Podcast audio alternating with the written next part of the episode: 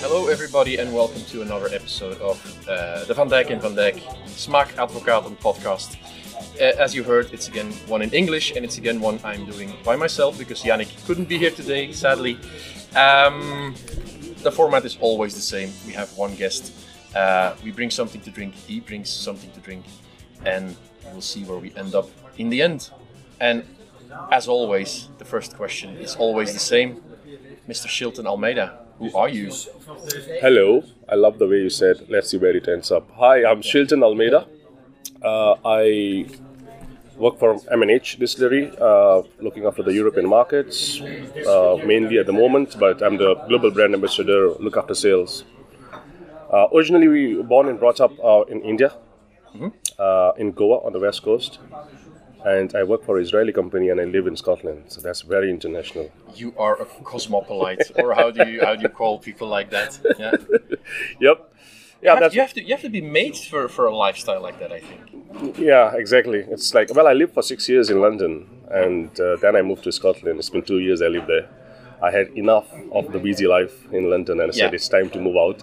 It's okay, I love it here. Uh, it's- I'm enjoying life in Scotland. and you're in, in Glasgow now. Uh, I am in Clydebank. Uh, it's about 15 20 minutes away from Glasgow. Yeah. All right. At this moment, we are in Ghent because you're uh, on a on a sales drive or a, or a trip or a holiday. How do you call it actually when you're in Belgium? A beer trip in beer Belgium. trip. The Belgian trips are always the beer trips. yeah, uh, in in Ghent, uh, I was last week. I was in Netherlands doing the same. Uh, this week here, uh, two days, three days, and then Spirits in the Sky in Brussels, the Yeah. big uh, the big event, and traveling from there to Hong Kong for a week. Yeah. So you're a long time from home this yeah, time. this is the longest trip. This is the longest trip, two weeks out, uh, and far away as well. So. Yeah. Has it been a while since you've been fr- away from home for that long? Uh, no, no, actually. Just Last year I did something like that, but not that long. Yeah. This is the longest, and long is okay, but normally it's European trip, so it's one or two hours away. Yeah. Yeah. Yeah. This is on the other side of the world. Yeah, let's yeah, yeah. let's see how that goes. That was one thing I wanted to ask you because uh, you became a dad yes. not too long ago. Yes. How did that change your uh, feeling about traveling away from home?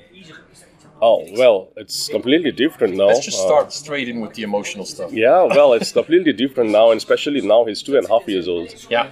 and he's just started, you know, walking around and talking, and so basically you end up uh, with a video call in the morning every day, you know, and Yeah. see every time you're traveling and you go back and there is something new that he has learned, and then I say, damn, I missed it. I'm Yeah, like, yeah, ah, I yeah, should have been yeah. there. But uh, yeah, it is completely different. Uh, the good thing is that I start preparing for the trip like one day before I leave, Yeah. and I keep telling him I'm going tomorrow. I'm going tomorrow. You know, I'm not there. I'm going on a plane or whatever. So by the time I'm leaving, he's okay with it. He Yeah, doesn't, yeah, yeah, you know. You have to, you have to prep these guys, these Yep. little guys. It's not that like, suddenly he sees me moving out. They're like, "Oh, I'm coming with you as well." So that's not happening at the moment. So yeah, that's a little difficult, um, I would say. Mm-hmm. Um, but again, whenever I get back uh, home, as you must have seen on social media or stuff, Yeah. I make sure I spend the most time with him. Yeah, and, yeah, you yeah. know, It's and, uh, important. Yeah, switch off and on. You have to. I mean, and, and whether you're away for the day or for three weeks, for these guys, it's basically the same thing. Sometimes I feel Yeah. they're just like they're gone and they're back. So, Yeah, uh, one day there for, for him as well. Like the first thing you I get home, he'll just want to open the bag. yeah, Uh, there's nothing for him, but he just wants to open yeah, the yeah. yeah. Just like open There's, there's whiskey and beers there. He don't want to open that, but he wants to open it himself. So yeah, that's the fun part of it. So I, no matter how tired you are, he just drags you in and wants to play that one first day when I'm home. He wants to make up for the lost days. it's part of life. It, it only gets better, Shilton, when they get older. I, I, can that tell you. From that experience. sounds like a warning, though. no, no, it only get, it only gets better, and then some people tell me uh, as, as they as they get a little bit older, yet like in their teens, it gets harder again. Yeah. Because yeah. Oh God. but by, but that, by, by by that time, you'll be happy to leave the home, probably. Don't make me think about that right now. I'll No, no, deal no. with it when it Yeah, comes. yeah, yeah, yeah. We'll see. Maybe back to the to the matter at hand. So you work uh, for Milk and Honey. Yes. Facility? Yeah. Um, you were at Paul John before that. Yep. Um, both are what I would call difficult whiskey countries to to sell or to talk about or to even get people to try. Yeah. Is that the way you are? Eh, well, Yeah, it is. Um, it is not uh, not easy to talk to people, especially when you talk about world whiskies and whiskey coming from India and now from Tel Aviv. Uh, when you get into different festivals, for example, the good thing is that there is always a surprise element, and people say, "Oh, wow, okay," you know, and then that's a good start. Then you can start talking about the whiskey. I've done it for 10 years. That was a real struggle, I can tell you, um, especially for me because just coming to Europe uh, with a world whiskey Yeah. in, in my hand and talking to people about it, that was more challenging. Now it just became easier because you know the connections are there, the relationships are there in the market. So it was Yeah. a very different uh, game. Uh, with the Indian whiskey, it wasn't the first whiskey. There was a brand before already, Yeah. and now at M&H we are the first Israeli whiskeys. So it's a To, to different make story. it to, to, to go Yeah. abroad, basically. Yeah, yeah. So there, there are other small distilleries, Yeah. but you don't find them in, in Europe. So the story about uh, whiskey from Israel and how it is made and how we are, what challenges we face, is a completely different story compared Yeah. to that. But yeah, it's uh, uh, world whiskey. If you look at the category itself, there are big uh, Japanese whiskies and Taiwanese whiskies already in the market. And then you talk about India and countries like Israel, or you know some European countries as well, like Sweden or Australia, Belgium. yeah. Sweden, and Belgium. So it's it's the same challenge that Mm-hmm. you come across for a world whiskey because uh, even today, the big chunk of it is Scotch driven. It's Yeah. it's been like that and it will be like that for a long time. Yeah, it's also in the minds of people. Whiskey is Scotland. Exactly. So it's Some, always some of them say Ireland. Most of them say Scotland. Yeah. no, it's, it's always there in the in the mind. So it's uh, the thing is people are very open minded, and that actually helps. Uh, that most of the people I've come across uh, in, in, in all my all my career is like you find people who are like open minded. They want to try something different, and they want to know the story. Uh, that helps. That's a good starting point. And then the liquid. Uh, first of all, I will say the liquid does fifty percent of my job. You know? But it should. Yeah, it's, it's like good. It's good liquid. So for me, it's only easy to tell the story, and the liquid is good itself. So that's why I you get the confidence in there. You know, mm-hmm. even if it is okay, it's a world whiskey, but then the liquid is good, and then you go out in there with the confidence and, and talk to people, and Yeah. it's easy. Well, I, I do feel that the openness towards world whiskies, as in, in, in general, is is much bigger than it was like ten years ago. For sure, yeah. It's, it's it's completely different. I mean, if you ask me, I've been in the UK for eight years now. Yeah, eight years now. And uh, most of the markets or most of the places that you go out with the brand and talk and do a tasting, this will be people, uh, local people. They know uh, the the whiskies, uh, uh, uh, like Scotch whiskies, for example, and then they say, "Yeah, I know this stuff, but I want to try something different." Yeah, yeah. Not when you do the UK market, uh, not the tourist, of course. It No, no, doesn't no. it doesn't make sense. they come. They come to Scotland. exactly. the So Scots. they are they Scots. will be not your target audience at all. I mean, they will say, okay, but can I buy it back where I live, like in Belgium, for example? Yeah, yeah. So that is always there, but uh, they will be more. If you're going, it's very easy. If you're going to Scotland, do you really want to buy a, a whiskey from Tel Aviv? No, right? You will want to be pick, uh, uh, uh, buy a bottle of Scotch whiskey and come back. That's as, you know, that is how it is, and it's completely fine. That's how it should be. But uh, people who live in the UK, they will be like, "Wow, let's try something different," and it's that helps as well. Yeah. Is there a, a big difference in in countries you visit because you travel all over the world to, to, to represent M&H? Is there a big difference in how it's received by the people? Yes, uh, there is a big difference. Uh, I, the, the markets that you go to, like Germany, it will be or Poland or Sweden, uh, there is a big difference. But again, they are more open-minded, which helps. Um, there will be people who will always compare it when they try it. Are like, oh, this is uh, I try my Scotch, or you know, not to name any brand, but just Yeah, this yeah. is this is uh, this tastes like that, or this Yeah. is like this, or it is. Uh, people need reference points. yeah, it's just com- yeah. So for example, somebody comes to me at the stand and say, "I drink a Speyside, or you know, I like a Speyside whiskies." Then I can say, "Okay, try this whiskey from us." Yeah. Someone say, "I like peated whiskies, like like from Islay." so Then I'll say, "Okay, I have something which is peated." So there is a reference point, of course, uh, there. what, what you give them if you say if they say I like cask strength weird stuff? We are all about custom weird stuff. If you look at M&H, it's like we were doing a tasting yesterday, and there's like orange wine cask, tequila cask, or Yeah. pomegranate wine cask. I will always pick up try this. What do you think? And tell them that pomegranate wine cask or the story behind it. Yeah. So we have got all this. We have got the core range, of course, as in Yeah. as a as a as our entry level. Um, Sure. And then we have all this Apex cask strength um, stuff. Some it's not for everybody. Uh, some people say I don't like this flavors. It's fine. Then you try the next one. I love this. So and that is the whole idea behind all the fun that we have as well with the cask. Of course. So yeah, we are full of all this weird stuff. Anything like you say, there is a lot more coming as well. So Yeah, yeah, yeah, yeah. yeah. I can imagine. yeah. Listen, uh, I think I know you've brought a bottle, so I think we, we might just taste something just first now, and then you can tell us a little bit more about the distillery, maybe. Yeah, for sure. We've got the glasses here. This is always a little bit of a, the quiet moment in the podcast where things are being poured, and in a moment we'll be tasting, and that's even quieter then. Than this. Yeah. Let us enjoy our whiskey. Yes, and a couple moments of silence in people's days is, is good too, you know. Especially when you're pouring a whiskey. Huh? Yes. Cheers, man. Cheers. It's, it's good because I, I now have two images of Shilton in front of me. As if one was not enough. As if one was not enough. You're on the label too for this one. yeah. There are, uh, there are 120 of Shi- other Shiltons as well somewhere around now. And this is kind of a. It's not the premiere because you premiered this last night in a big tasting.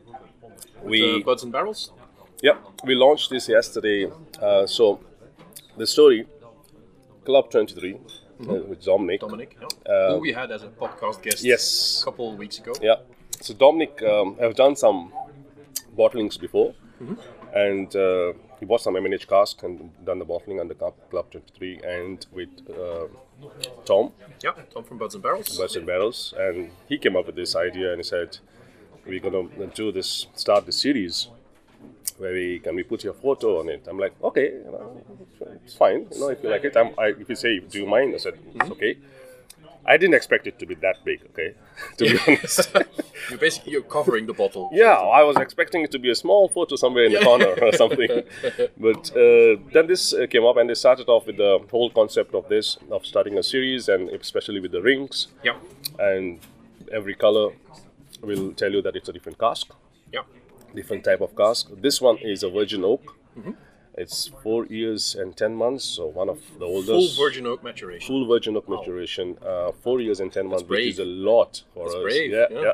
So you got a lot of wood spice in there, and it's at sixty-seven point five. If it is not brave enough for you, then it is sixty-seven point five. Guys, it's uh, before before twelve o'clock in the morning now, so a good one to start the day with. Yeah. It's uh, it's well after a tasting last night, Yeah. and uh, you had a tasting somewhere last night as well. And Yeah, after yeah, that. I think this is a good wake-up call.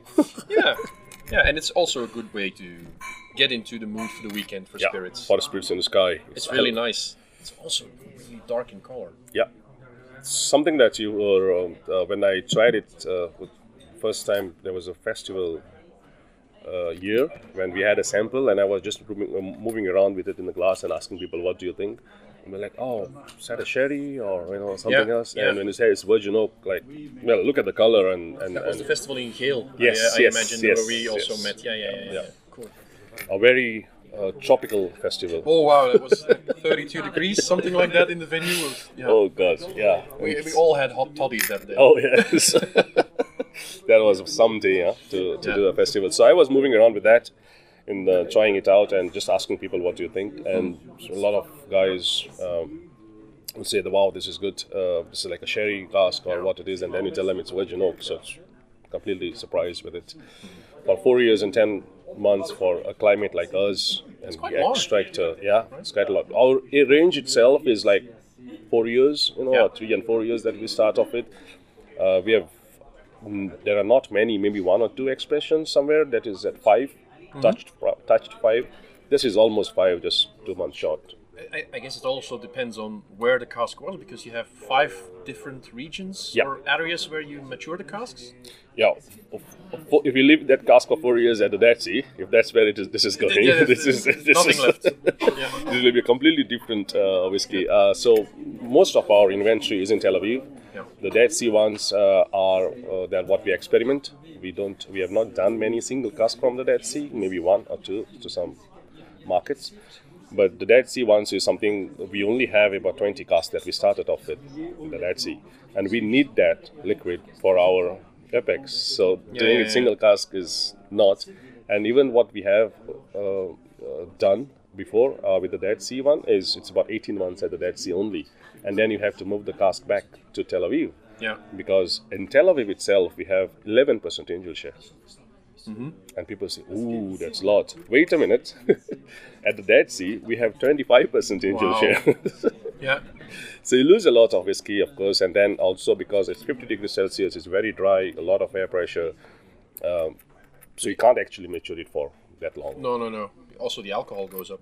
Yeah, yeah. Way. Also, yeah, and also you, at certain point after some time, soon I will say the wood will start taking over Mm-hmm. more. So it's got more oaky and woody. And if you look at the Dead Sea expression that we have, it's very fruity. Oh, so, yeah, yeah, yeah. So we keep it for 18 months and we move the cask back to Tel Aviv. Batch one was Yeah, apex batch. l- lovely. You know, it's, it's and we have we the Dead Sea is something that we will keep doing uh, in the small batch. Of course, every batch uh, the recipe is a little different, but um, and we are coming up with the other locations as well. Uh, we are this year 24. Basically, we're gonna launch the Jerusalem Mountains and the Sea of Galilee expressions as well. So that will be yeah, three- Sea of Galilee is more like a, a moderate climate, I guess. Yeah, uh, yeah, More yeah. sea, more more more cooler, yeah so- uh, more more colder and it's uh, we, we were there in September and tried some liquid uh, which is kind of very thick creamy and the color in for 18 months was like that Okay. this color for 18 months old uh, whiskey and from there we the guys just called up uh, Tal and uh, our gal who's CEO were there we just called up from there to Tomer like Tomer you need to come here and check the liquid dude it's like it's you know see what's happening here it's almost ready like what do you do with this now yeah, yeah, yeah. So that is what's happening. The Jerusalem mountains again will be different uh, climate. So Yeah. that uh, putting together, there are a lot of things that well, you know the fun that we can do.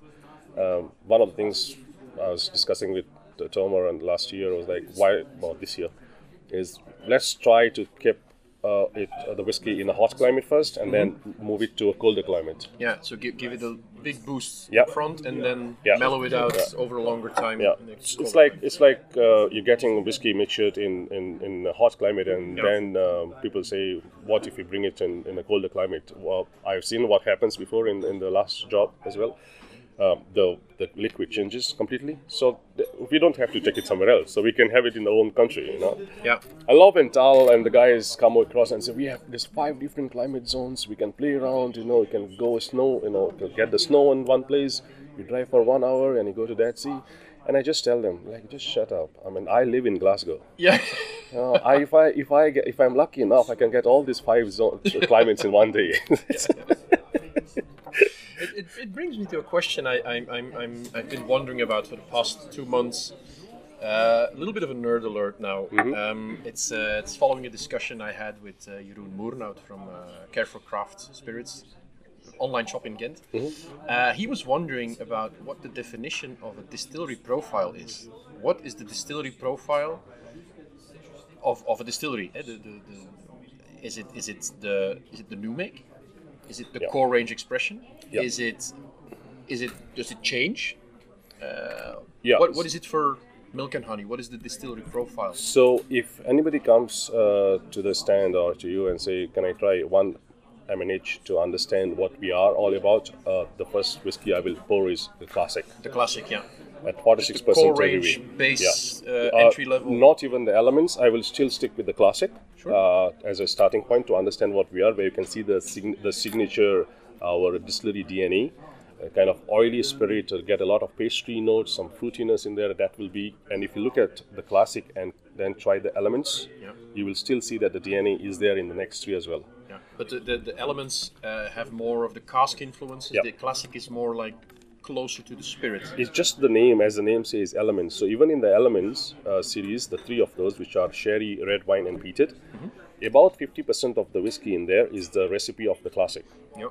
So we keep that as the base recipe, and then we add an element to it. It could be a sherry element, or it could be a red wine element. That's why it is not a big sherry bomb, or it is the peated one is not very peaty, and it is not meant to be. It's meant to be those easy. You get the sherry notes. You understand the profile of what a sherry cask whiskey will be. And Yeah. if you say I love this, then I can say okay, there is an Apex that's 55% as well. So Yeah. try this. Apex series is where we let the wood take over Yeah.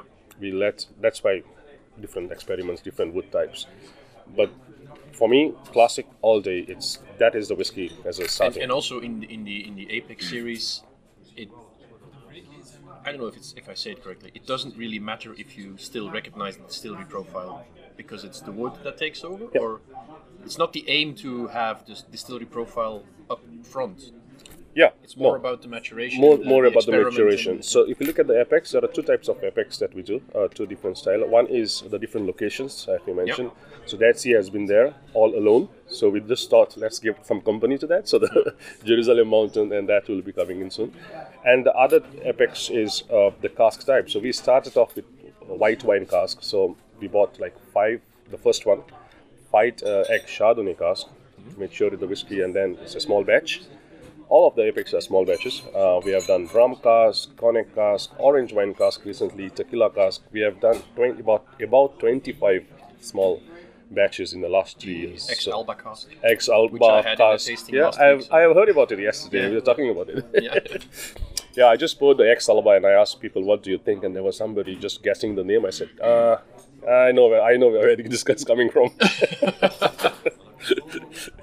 so that yeah so that is what we do with the apex um, the fun then there we have um, so the distillery profile you'll always find in the in the core range yeah, okay? yeah, yeah. Um, then we have something called as art and craft a bit of a fun project again uh, where we ask one of the local artists to design the label.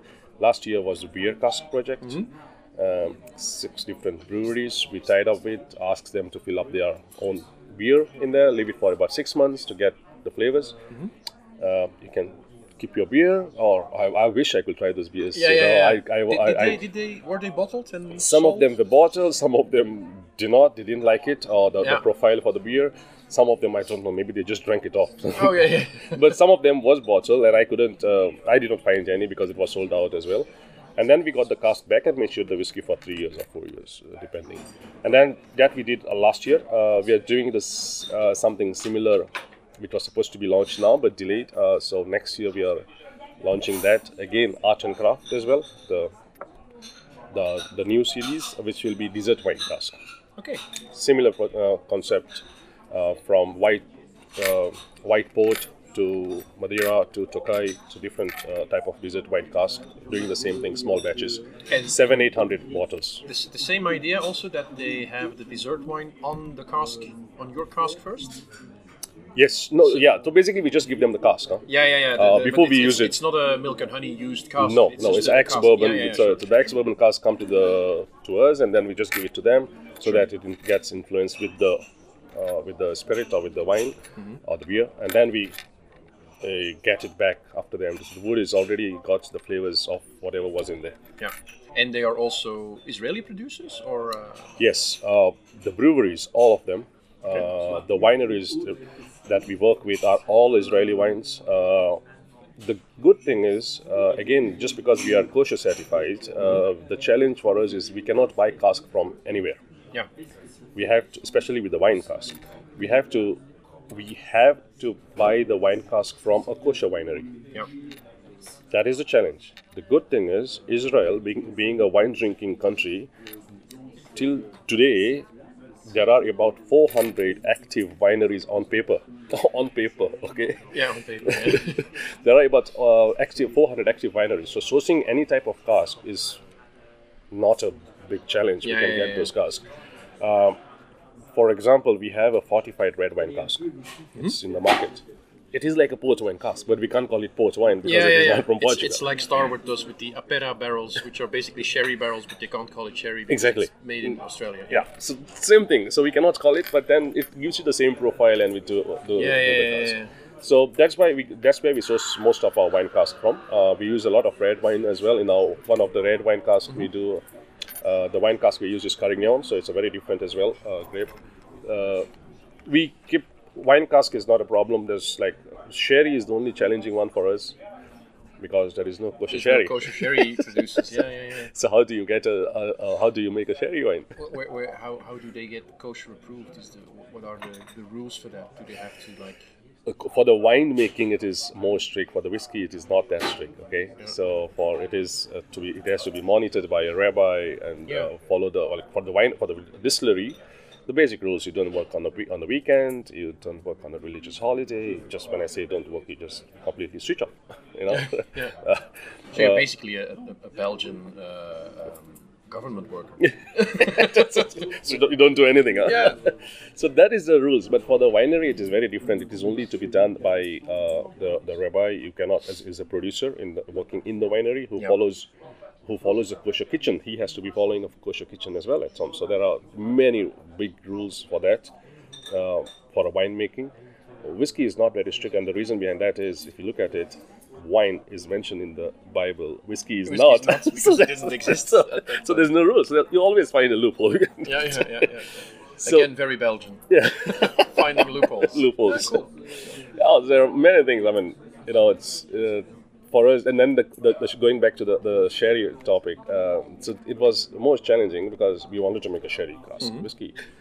Uh, so what we did is, uh, what we do is still, uh, we tied up with a cooperage in Spain, and then we make our own sherry first, the Okay. wine. season the cask. It's a, now it's a kosher sherry, okay? Season the cask, uh, and then the cask are sent over to Yeah. Uh, very to- controlled. yeah, uh, the it's it's it's yeah, and so basically the sherry is specially made for us. But then, sadly, just like any other sherry, it is not bottled or Oh, uh, it's just made into like medicinal alcohol. Yeah, there is there it's, it's or maybe vinegar or something. Yeah, yeah, yeah. Nobody nobody is uh, it's not bottled. So then like this is this is this is something which I am telling you. There's anybody who wants to have a kosher sherry wine Yeah. wants to buy, please let me know. we have got some. I, I guess it, it, it's not that unusual nowadays for uh, for whiskey makers to do it that way because there's just no sherry casks available. So Yeah. you have to basically do it that way. Well, that is a sad Kosher part. or not. That's a sad part of the of the thing is because uh, there is no much demand uh, for sherry wine in the Mm-hmm. market. Uh, m- maybe, maybe if I'm not wrong, even there is more demand for the sherry cask than the sherry wine. Actually, yeah, yeah, fact, yeah. you know, and so. and it's, that a, is it's a joke I always tell in, at tastings when people like a sherry matured whiskey. I tell them drink more sherry. It yeah, become to, cheap. to, to- yeah, exactly. And and most of the casks are not even fully mature. They are just cask are seasoned, by Mm-hmm. The yeah, yeah. sherry High- just to get the flavors. uh, yeah, so that's what we do as well. There is always, um, and of course, you have to send the cask across to Tel Aviv with some wine in there, so that guys are waiting for it when it arrives. You know, ah, come on, Yeah, sherry. so yeah, this is uh, the the wine. Uh, wine part of it that we do, and that's why we keep playing around. Uh, we do cognac cask as well, which we ta- which work with Godet, uh, Uh, they, Godet uh, in uh, in France, and they have a kosher line, Ah, so okay. we get it from them. Um last time I was in Belgium, actually doing a tasting. I was uh, somewhere in I think Whiskey Hawks, I think so. The Mm-hmm. guys and one of the guys says, "I've got some champagne cask. Do you want some? Love to, but I cannot." Working with the, you know, it's it's it's difficult to, to do that. There's a guy in Antwerp uh, who makes uh, kosher beer uh, with ginger. It's called Ginger Tipple. It's a, it's a Jewish guy. Jeremy, I think it's called. Jeremy Sulzbacher. Um, so yeah. So there you go. So that will be a good option to, to, to work with. Well, of course, somebody who's interested in getting a cask from us, um, so some beer or brewery, we do that. you know. Mm-hmm. Okay. I, I, yeah, I, I, I, I think that you guys are very open to uh, what you just said, but also for like independent bottlings, small share bottling, stuff like that. I see a lot of those Yeah. in Belgium.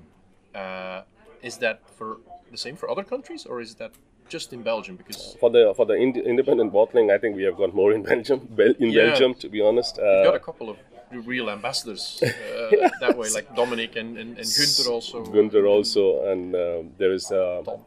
Tom Gun- uh, and um, Patrick in uh, in uh, Zola. He Oh, did, yeah, yeah, he yeah. did one as well. So there are there are there are so many, and some of sometimes I try to keep uh, buy all this and then I'm like, where do I keep this? And there's so many around, you know. I think you, you were telling me at that festival in in uh, Geel, beginning of September, that you were on like seven different tables with, with milk and honey. I was just walking around uh, to see uh, what's on the tables, and every stand I go, there is at least one uh, Yeah. M&H there. So basically, no matter where you go, you are working. yeah, I came here to have a dram, and I'm working. Anthony, Aaron Anthony, Yeah. he had one as well. So, yeah, yeah, yeah. So there was there was one every every stand. Um, uh, there, there are many. Um, also about this cask, the one which is uh, bottled now, Mm-hmm. um, I can al- also tell you that along with the liquid, the cask has also come to Belgium. Okay. Yeah. What is happening with it? I cannot tell you right now, but I'm, I, I, uh, you can think- you can guess. I know, yeah, I think exactly. I know because Dominic told me, but uh, Yeah, so we'll you keep know. it a secret. We'll keep it a secret. Yeah, there you go. Let's see what comes up from that. Do, do you do you sometimes feel that there might be too many M&Hs on the market? Well, uh, with uh, the distillery release itself, what we do in the Apex small batches and all, there are, and we also try a lot. And the thing is, we cannot, uh, the liquid gets ready, you know, and we have tried all this, so we have to bottle it. Uh, a lot of people say, I want to collect it. It's difficult to do that. Uh, it's, uh, some are market exclusives also. The whole idea when we do the Apex series, um, the orange wine or tequila, is we want people to try it. You want okay what will happen if when if we do this tequila cask or orange wine cask or pomegranate wine cask? We want people to try it and not to go in somebody's shelf one of the one of the sad part is sometimes you find uh, do a festival in a different country and you find somebody who comes to you and says hey I, I tried this whiskey last year. I have a bottle of that at, at home and then i just ask them it, it's one year and you still have that bottle Yeah, with you. i'm here this year again with something new. Why i wanted to try that? Of course you cannot be you know buying it but then that's how long it takes uh, as well. Uh, but we want people to try you know with friends or you know have a good laugh. That's what we are as well um, at the distillery as a team so we want the same thing to for people. If we try something, uh, at, you know, we say, okay, let's try that cask and see how it is going to be. We try it. Oh, it's nice. Then we share it out as well. Like we want Sure. people to try, and that's why they are small batches from 1,500 or 800 bottles for the world. Yeah, yeah. So that's what the whole idea is. There are some as well. I mean, as you said, there are many. Uh, but if you come back in six months' time, there is something different. yeah, yeah, sure. That's the whole idea behind it. And, and I also think that for like still a, a, a starting distillery like you are, like you're just busy for a couple of years, it's good to have a lot of shelf space and a lot of visibility Yeah, it's it's it's in a fun. any way possible, basically. some of the shelves that some of the shops that you go there's a big lineup uh, and i always i find some of my friends uh, whiskey other ambassadors you know and i see why is that she's got a bigger space than me Yeah. and all the, the, the fun behind it Yeah. or they will say Shilton you've taken over the shop where do i keep mine so that those jokes are always there but uh, again it's the same idea about you know the fun is there and that uh, when you do all these experiments or play around I think it also creates interest in the brand because okay, what's next? You know what's next? And end of the day, we have seen that it helps in the core range as well. Sure. yeah, people uh, want to try the Yeah. core range when they when they discover something. Uh, Yeah. Something. So like okay, this is a this is a orange wine cask. This is a pomegranate wine cask. It's high ABV, but then try the classic. That's you know, and that's how the word spreads, and it helps the brand in general. the, the, the, the way you talk about having fun and uh, joking around, uh, I think that's very you. Uh, and I, I sometimes wonder could you work for like a top 10 selling single malt, more serious brand? Or do you need this kind of rock and roll atmosphere to perform at your best? I don't think I will fit in there. Yeah, I don't think I will, uh, or I, I will not be very con- uh, you know confident enough to, uh, to to do it. It will be more serious, which I am not. uh, it will be which, a more. is, a, which is a compliment, I, I think. I hope Not so. to be too serious about I stuff. ho- well, I have I have a uh, I always say personally, well, from where I come from and how whiskey has been consumed and having fun. Uh, we was having a chat before. It's just the fun that you have with the drink, and I always say that whenever the whiskey came in the market, uh, it was made to have a good time. Yeah. whiskey is made to have a good time and have fun, not to be very serious about it. Yes, you can um, even for doing a tasting, you always tell them the technical part of it, the knowledge is there behind it. But then if you're not having fun with it, What's the point? what's the point? The, the, the, the one thing I always say, you know, people talk about adding water or ice or cola or whatever it is, it's, it's all okay. But one important thing you need to add with your whiskey is humor. Mm-hmm. That's more needed. Yeah, yeah, yeah. You know, and then you see, you know, have a good laugh and have a good time with friends. But that's that's me. so Yeah, yeah, yeah, no, th- that I- answers your question. I don't think so. I, I, I think I think I think two very different things. Is I think um, we in the whiskey world have lost a lot of that fun, es- especially when you get like deeper into it and you get like to become a nerd. You, you people tend to Get uh, carried away. Get carried away with it. So we've lost some of that fun, and at the same time, I see more and more brands having fun, labeling with names, with, with actions. It was it was actually when, when I did the podcast with Serge Valentin, Mm-hmm. that was the, the starting question because of course he's whiskyfun.com, Yeah, yeah, yeah. and the starting question was is whiskey still fun? Especially uh, after you've been doing a blog for so many years and tasting so much whiskey, is it still fun? And he, he thought so. So yeah. It is still fun. It all um, the, the the best thing to enjoy a whiskey is you need a good company. As I said before, from where I come from, it doesn't matter what you drink, uh, what's in your glass. It's the right people. You can always buy something expensive or something cheap. It doesn't matter what you mix in it, or it doesn't matter if you're sitting in a bar or just in a car park and drinking. Yeah, yeah, yeah. it's all about the you know It's the, about the moment. Not the moment, you know, and you sit down and you talk about memories, about the fun, and you know, jokes and whatever you do, with the experiences.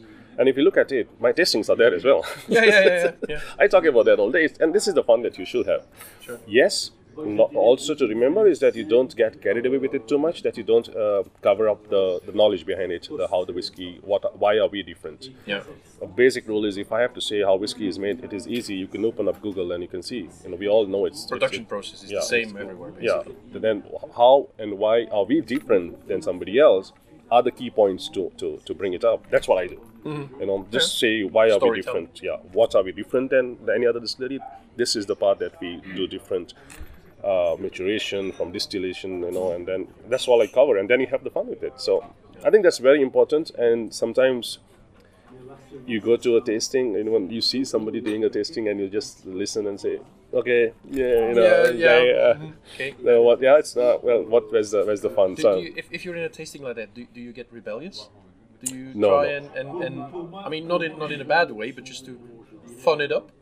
Yeah of course in, uh, it's it's uh, I've not I, I do. That's why I asked. I've, no, I've not been to many many and first of all I try not to Yeah. because we're all colleagues and you know Sure. we are all friends and I've not been to any such uh, but I've heard yeah. Uh, I've not been to any such of course I would love to do more tastings and listen to somebody else talking other colleagues uh, and just listen and know the brand more that is my idea of knowing the brand more Mm-hmm.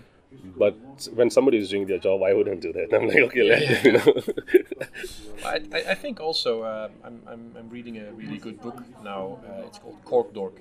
okay I don't know if you've heard about it, but it's uh, it's an uh, American journalist, Bianca Bosker, I think she's called, uh, and she spent a year trying to become a professional wine sommelier, and really getting into that world because there's a lo- lot of Yeah. well, and she talks about the snobbery and about how, how it works and how um, carried away some people get with Yeah, wine.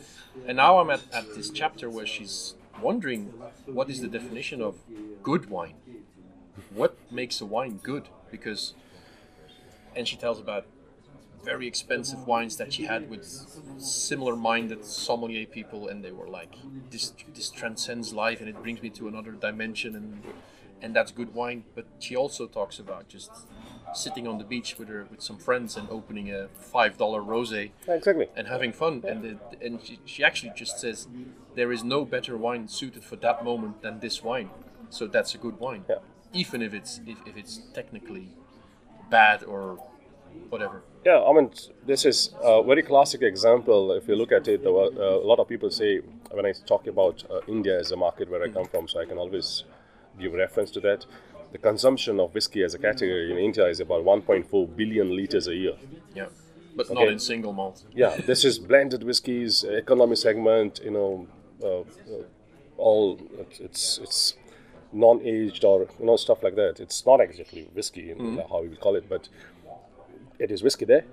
People Yeah. are happy. They're having a good time. So uh, the sales are, are doing. So you know that's I don't see a difference in there. It's like no. okay, even when that's why when I go back home and sit with my friends, there are some who are who know the whiskeys, but some are you know they, they don't understand it's a beer for us okay have some beers uh, or gin tonics because Mm-hmm. it's it's it's too hot and okay let's have a whiskey then. Just get some whiskey. It's it's it's uh, I, I wouldn't say like oh no no I only drink Austrian whiskeys no Yeah, I, yeah, I yeah, never, yeah. I'm not a person like that. So I will never do that. And but just drink anything. It's like just have some good time have fun. I think the, the, the more I get into the whiskey world, the more I look for those kinds of moments. Not not even the, the special exclusive stuff, but just have fun with people. Whatever. Yeah, well, I can. I well, I can tell you stories from everybody. You know, like I have memories with everyone in the industry, or, or with friends, colleagues, or not only people who work, but even consumers who come to you Yeah. at the stand, and or retailers. Um, I've got memories with Tom, you know, or or Gunther, or Chris Loris. I cannot forget him. He's like No, no, whoa. of course. but uh, and I guess you talk about memories, but there's more that you've forgotten than that you actually still know, probably. Yeah, well, there are some of them which are so hardcore that you can't forget them, no no matter how drunk you were or how much you had that day. There are some of those which are like, I will remember that for my life, and I Yeah, keep yeah, telling, keep telling it so I don't forget it as well. We're all looking for those moments. Yeah. Actually, next week we have a recording with Chris. So. Uh, Oh, okay. Yeah, yeah, yeah. We'll, we'll, uh, we'll have some yeah, fun with Chris and Chris, 2015. I will never forget that. Chris and I go way back, so Yeah. we've been friends for a long time. He's maybe the first person I met in Belgium. Who Oh like, yeah, but yeah, very cool guy. yeah. Listen, I've brought something for you to try, and um, I am so looking forward to it. it's um, well. If you don't know the podcast, we always try to find something suited for our guests, Okay. but not the stuff that they're used to. So whiskey was like, no, I'm not gonna bring whiskey for Shilton. Beer was like, I'm not gonna bring beer for Shilton. There's enough beer this week, I enough, think. enough beer, and he, he knows his stuff for beer too. So I needed to get a little bit outside the box. So I brought something. I haven't tried it myself, okay. But I'm very curious what you think about it. Oh, that's a nice bottle. Yes. There you go. I'm not gonna tell you anything about it. Just taste it, Wow. and I'd like to see your expression when you taste it. Well, just looking at the glass, it looks like a wine to me. Yeah, it's, it's it's very dark in color. It's poured in the Merck tasting glasses, so that's maybe also why it oh, looks Oh, like wine. Very curious about this. Well, cheers. Cheers.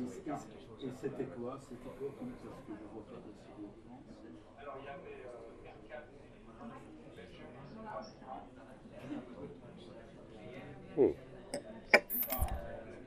And it's okay if you don't like it, of course. So just be honest what you think about it.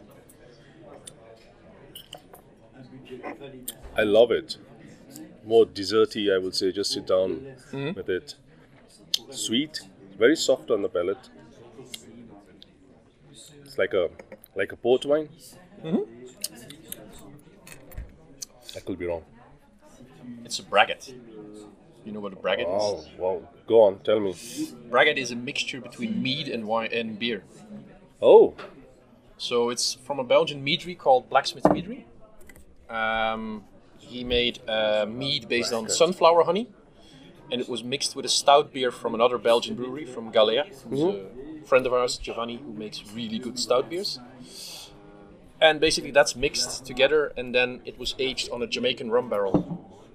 wow. It has got a lot of this coffee, roasted coffee notes as Yeah, well. and that's some- the stout part of That's it. the stout part of it, And then the sweet part is the sunflower honey from the mead, on the mead. I think. And then, yeah, the Jamaican rum. It's probably the sweetness too, but. Uh, Oh, I never came across this before, huh? See, see Well, that's it. this is the best part about the industry. Every Yeah. day is a school day. you, You, learn something learn every every day. day. For wow. me too. I mean, stuff like mead, it's completely unknown territory for me. So um, I'm also happy to announce that we'll be having Gerti, who is the the, the man ma- making this. We'll have a podcast with him too in the near Okay, future, in the future, and yeah. we'll probably be organizing a tasting with uh, with him too, with some different meads that that he makes. Oh, nice. So this is based here. I've never seen it across. I don't think they are, they export it or something, right? No, well, mead is exported, but this one is This probably one not not, yeah. exported. This one not, this one. very small scale producer. It's, it's- I, he actually lives like walking distance from my home, uh, and it's it's in his shed in the back that he makes this. He has now, at the moment, I was there this week to pick up this bottle, and he said, "Oh, I've got something new. I've got a Kilchoman cask, and he put some Oh, mead on wow. the Kilchoman cask." So, Wow. looking forward to that stuff too. Love it. I love Yeah. Kilchoman stuff. I like their stuff.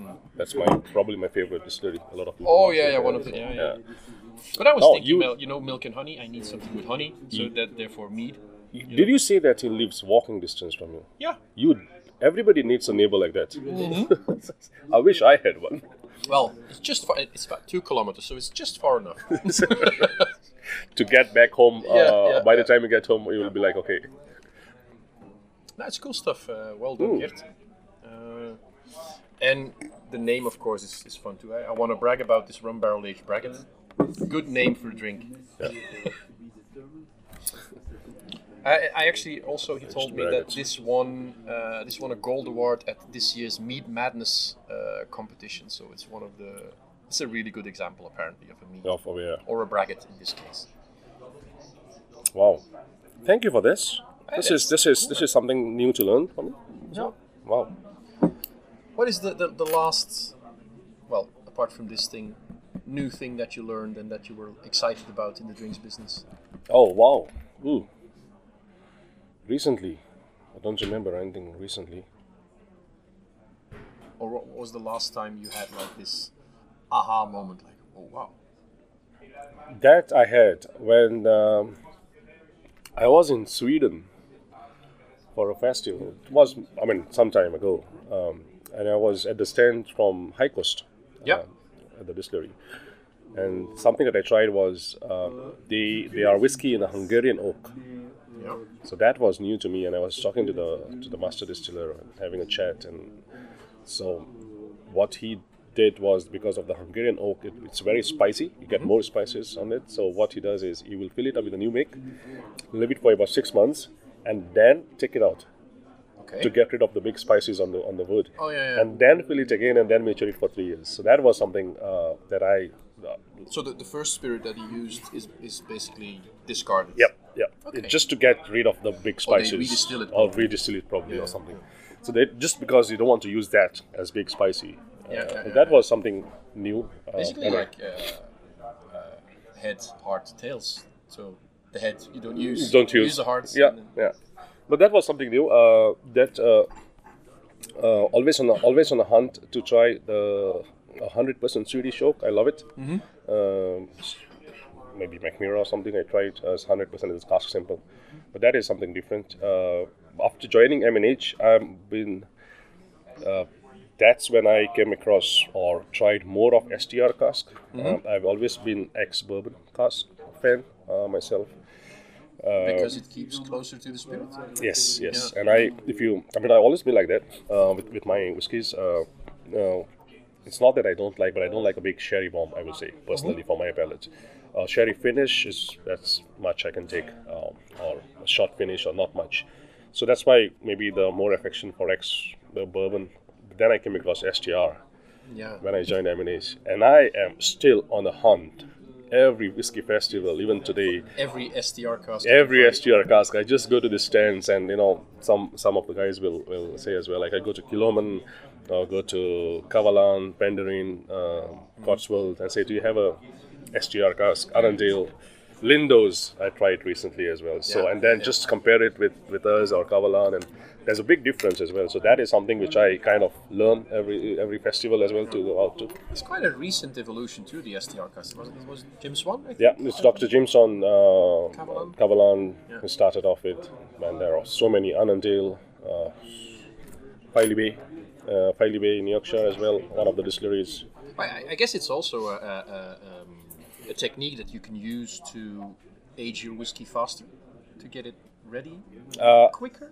It's I wouldn't say age the whiskey faster, but in a short time, how can you get maximum flavors on it? Yeah, yeah, yeah. So that will be that helps because if it is uh, even for our classic, for example, it's a four years old. It's it's about seventy percent ex bourbon and remaining is STR. So the STR gives more body, more depth to the whiskey on, Yeah. on the flavor profile, and that actually helps because of all these are young whiskies, you know, hotter climate or young distilleries. But then you have to rather wait for like 10, 12 years Yeah, to get yeah, yeah, So you can do that. going, yeah, yeah you can do it in, in, in a short time and get more flavors in in the in the dram from that. So that works. That works. For uh, for M&H, uh, you've got the core range, you've got the apexes and the, all the experiments. Um, the core range as it is now, will that remain the same, or are there plans for like age statements, or uh, No, in, there the, are in no- the long run, or because There are no plans for age statement. Uh, it will be the same. Maybe there could be some changes in one expression or two. It's in the profile of it. Uh, we are still working on it, but you have to see how people, what feedback you get. The classic will remain for sure, 100%. Classic sherry is there.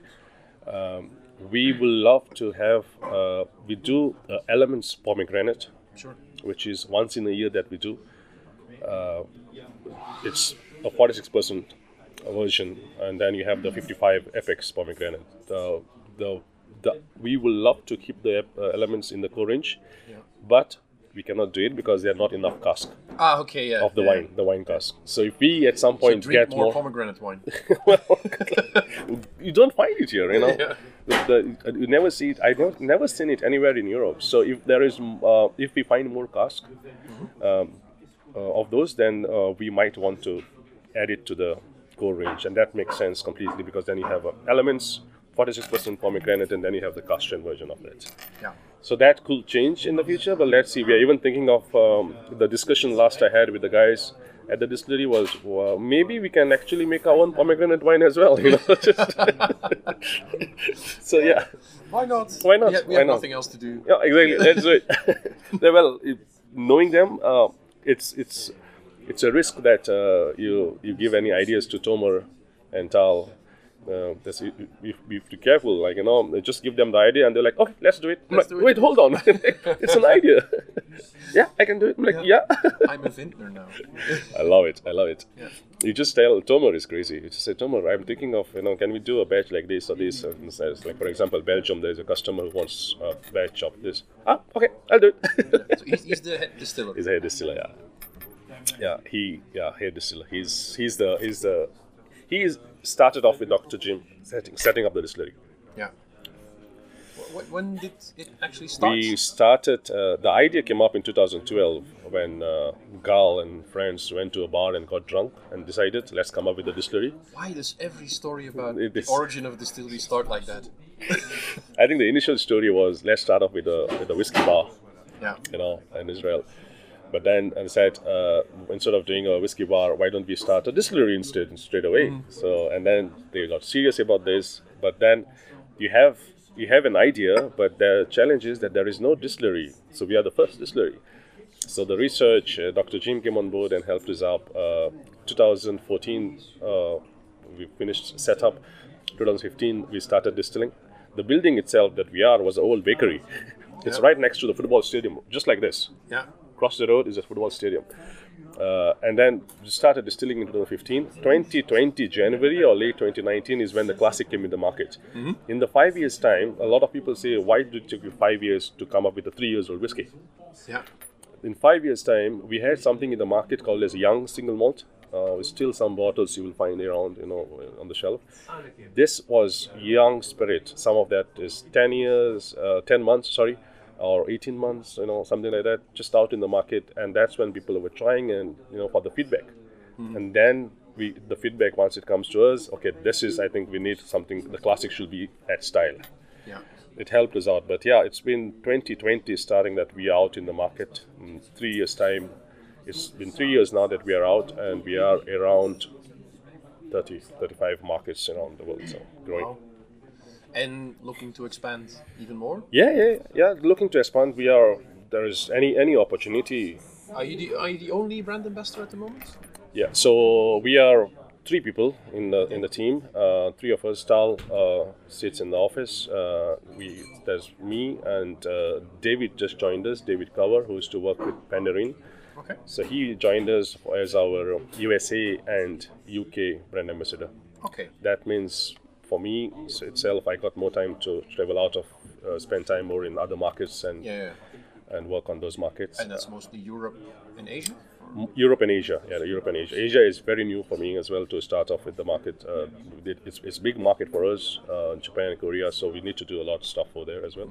So that's uh, that will this will help a lot. Uh, USA because Tal getting out of the distillery and going uh, traveling to USA, that means lot of stuff back in the distillery spending. so, Yeah. so he, he wanted to spend more time over there, and so so David covers up all this, and then and sometimes when it's the whiskey festivals in Europe itself nowadays, sometimes there are even three festivals on the weekend. Yeah. It's crazy It's- nowadays. it's crazy, man. always something. Yeah, it's like there can't be. There, we are just three people, and like, wow, how can we go to all festivals? So Yeah. that is something this will help out, so It's I can a- get. I guess it's a, like a balancing or a juggling act to keep all your markets happy, and because you can't be everywhere. No, exactly. You can't be everywhere, and then there are only then you have to pick the festivals that you want to go as well, or or. Mm. So this is. Uh, I personally will prefer this as a drive out in the market, as a sales tour. You know, visit customers and and do the tastings in the evening. I personally enjoy it a lot more as well. Uh, the festivals are fun, you know. It's it's there. You're having fun. You're trying, letting people try the whiskey. Uh, but then, same time, business-wise, I prefer this spending sure. a, a week or two in the Get market. the, the more the per- personal Yeah. uh, one-on-one contact is better Yeah. for business, I guess. Yeah, yeah. Uh, That's so that's uh, that happened. So David coming on board uh, will be like I can bring him over here as well, and we work together for different shows. sure. So he goes somewhere else, and I I'll come to Belgium for sure. I guess you get first pick. Belgium, no, I'm not compromising with that. cool, cool, cool. Listen, uh, I see we're almost an hour in. Oh, Uh, is it? Yeah, it's, it's going quickly. We, well, we had booze. So. Yeah, well, Oh, we can go for another three hours as well if we continue. Yeah, yeah, yeah. well, the, the, we usually try to keep it at an hour. The, the longest one we had was two and a half hours, and that was a tequila night. Tequila and Oh. mezcal. So yeah, it was good with Stan. yeah, tequila. Wow, man. It's One thing An- is another world. Another world. Mezcal. Mezcal is something I keep. I I, want to mezcal. uh, dive into every time I get an opportunity. I try different mezcals, and I love the category. Mm-hmm. Uh, tequila. I'm not saying I'm. Uh, I don't like it Mm-hmm. because there, there's only one reason that maybe I, I wouldn't go for a tequila is because there are bad memories with it, Mm-hmm. or okay, let me let me say it again. Bad memories or no memories. Well, no memories. Yeah, One of the, it's like that for everybody. exactly. We all know the boom boom. Yeah. So so maybe every time someone says, "Do you want to have a tequila?" I'm like, "Ah, maybe no." Mm, not now. Not now. Yeah, I did. I did that mistake. Uh, I was saying, okay, let's not do this and let's uh, get into mezcal. And we were in Ghent uh, one day and went for a mezcal night. You can see. Yeah. Again, ended up in a in a in a with Timon. with Timon. Yeah, it was with Timon in, in, in his bar. You said yeah. you say mezcal, you say again. Yeah, Has to be has to be Timon. It was Timon's place, and we was doing mezcals. And next day morning, I said, "Oh God, it's the same." It's, So it's not what you drink; it's how much you drink. It's always like that. It's always like that. But shh, don't tell anybody. no. we are working. We are researching. always working. Yeah. We've got a very hard life. Listen, uh, I usually end up with uh, asking about future plans and maybe future plans for you for Milk and Honey. What are you guys up to, and look at what, what can we look forward to? Uh, the distillery, from the distillery side, we our plans. Uh, of course, we'll see something as I mentioned, the art and craft coming in next year. Uh, we have got uh, the new, the coming joining the Dead Sea line will be the Jerusalem Mountains and Sea of Galilee coming up next year. Um, some new batches coming in as well. Uh, as a distillery itself, uh, we are thinking at some point we'll have to expand. Uh, but if we have to, if we want to expand, we have to move to a different location okay, because we cannot there. It's, it's the place is uh, not big enough for us to expand. Yeah. Yeah. So we are thinking about that uh, of, of doing it. Uh, there is uh, uh, the guys. Uh, uh, Gal and Tomer have started. I've just started off with a small distillery somewhere up north as well, just for fun to see what's gonna be. Started distillery just for fun. Yeah, it's just to see how it is. It's called as NGK. Uh, we had some just a spirit that it's not ready at all, nothing. So that is exciting to see how it's gonna be. But uh, yeah, I mean it's it's for fun. I'm not even joking about this. Stomer is to distill at home before he joined us. So Yeah. and that was I always say, was it for your own uh, personal consumption that you were distilling at home? so that is the plan for the distillery. I, well, for me, you know me, I've been with what ten years with one brand, so Yeah.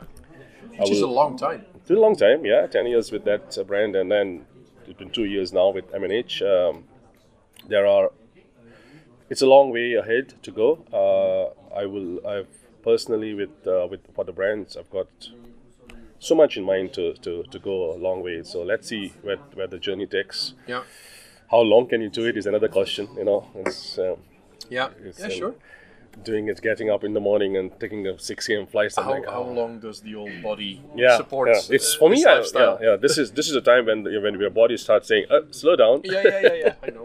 I. I'm older than you, I yeah, so, yeah. So it, it, it will it will start feeling. I mean, at some point it was whiskey festivals, and then next year you feel it. But then you know now it is like you're just taking a flight and you feel the tiredness, and it's not even you know, for for a job like this. You see that you can feel it now, even even by taking a one hour, two hours flight. Mm-hmm. yeah, it yeah, is yeah. tiring. It, it, it's not fun. It looks fun on social media, but it's, it's, You make it look fun on Yeah. social. You make it look fun on social media. Maybe maybe a question on the really short term future. What are you looking forward to most on Spirits in the Sky? short term. Split, almost on Spirits in the Sky. I love that festival. Well, Yeah. the- But you, would- when when this will be out, the podcast, it will be past. Uh, but Yeah. Spirits in the Sky starts tomorrow. Uh, Yeah, tomorrow Spirits in the Sky. The one thing I love at Spirits in the Sky, which every year, eight years in Europe, I've missed Spirits in the Sky one year. I'm not talking about the two years again, but the one year I did not. When that's when I was changing jobs. yeah. Uh, but I will never miss that show. The best part is that you meet, like it's like meeting the entire Belgian whiskey. Every, everybody is there. Yeah, and if there is somebody I say like, are you? Uh, yesterday I was asking someone, so will I see you at Spirits in the Sky? And like, no, I'm like, what? Seriously, you're not coming for that? Like, because yeah, I look forward to seeing, you Yeah, know, yeah, sure, seeing everybody. It's like you just everybody comes to you. The the the of course we as brand ambassadors or people colleagues we meet in different countries, Yeah. but this is like getting the entire Belgian uh, whiskey or trade together, Mm-hmm. from retailers to consumers, and it's so fun. And looking forward to the after party as well.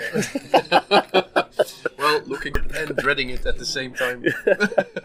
yeah, day two, Sunday morning is when you Oh. regret all this. Uh, I, I have I have the, the the the tradition at Spirits in the Sky of Sunday I start with a penicillin. Yeah, I think so. Yeah, it's- uh, see, I, The cocktail, not the not the the the, med, the, the, the, the drugs. It, it well, it, it works as well. It's, it does the same, Same job. thing, It's same the same thing. job. Same active ingredients. yeah. The no, the Sunday in the morning is when you say. Normally, after every time after Spirits in the Sky, we'll just go home and you say, you know, it's been a long two days. But this year, I'm more concerned about me getting on a flight to go to Hong Kong. Oh, yeah, yeah, yeah, it's on Tuesday. Okay. So yeah, that's gonna be a big one. Like it's not over yet, shit, and there are four more days to go. yeah, but that is uh, looking forward to that, uh, and that's after that we got into Whiskey Frankfurt um for me uh, as an international trip, and that's at uh, December uh, back to Goa with friends, family to spend some time. I, I was going to say um, if uh, listeners didn't know Shilton yet and want to follow him, I was going to say just follow him on the socials. But your Facebook is almost full. Yeah, well, almost. I know. I know. There There is there's something, and you know, so many. Yeah, I would say go on Instagram. Go to Instagram. It's much Instagram's easy, better, yeah. better. Or, which, or somebody should make a fan page. Oh God, please don't start. don't give ideas. Especially don't give ideas to the Belgians. See No, this? no, no, this no. bottle is a classic example Yeah, right yeah, here. yeah. So don't give ideas to the Belgians. I, I've said nothing. Can you edit that part? Uh, we don't edit anything, Shilton. Nothing. Listen, it's been a lot of fun talking to you again, uh, and for a longer time than usual. So uh, thanks for that. a real Um, a real pleasure to be here and uh, having this chat as well. And looking forward to drinking tomorrow again, having a jam tomorrow. Sunday. Working, working, Shilton, working, not drinking. Research. Research, development, working, Yeah. always. On that bombshell, ladies and gentlemen, thanks for listening again to this podcast. Um, look for us in the future for the other ones we've mentioned uh, about the mead with Rees, etc. And uh, see you at a live event soon to have a dram together. Bye bye. Bye.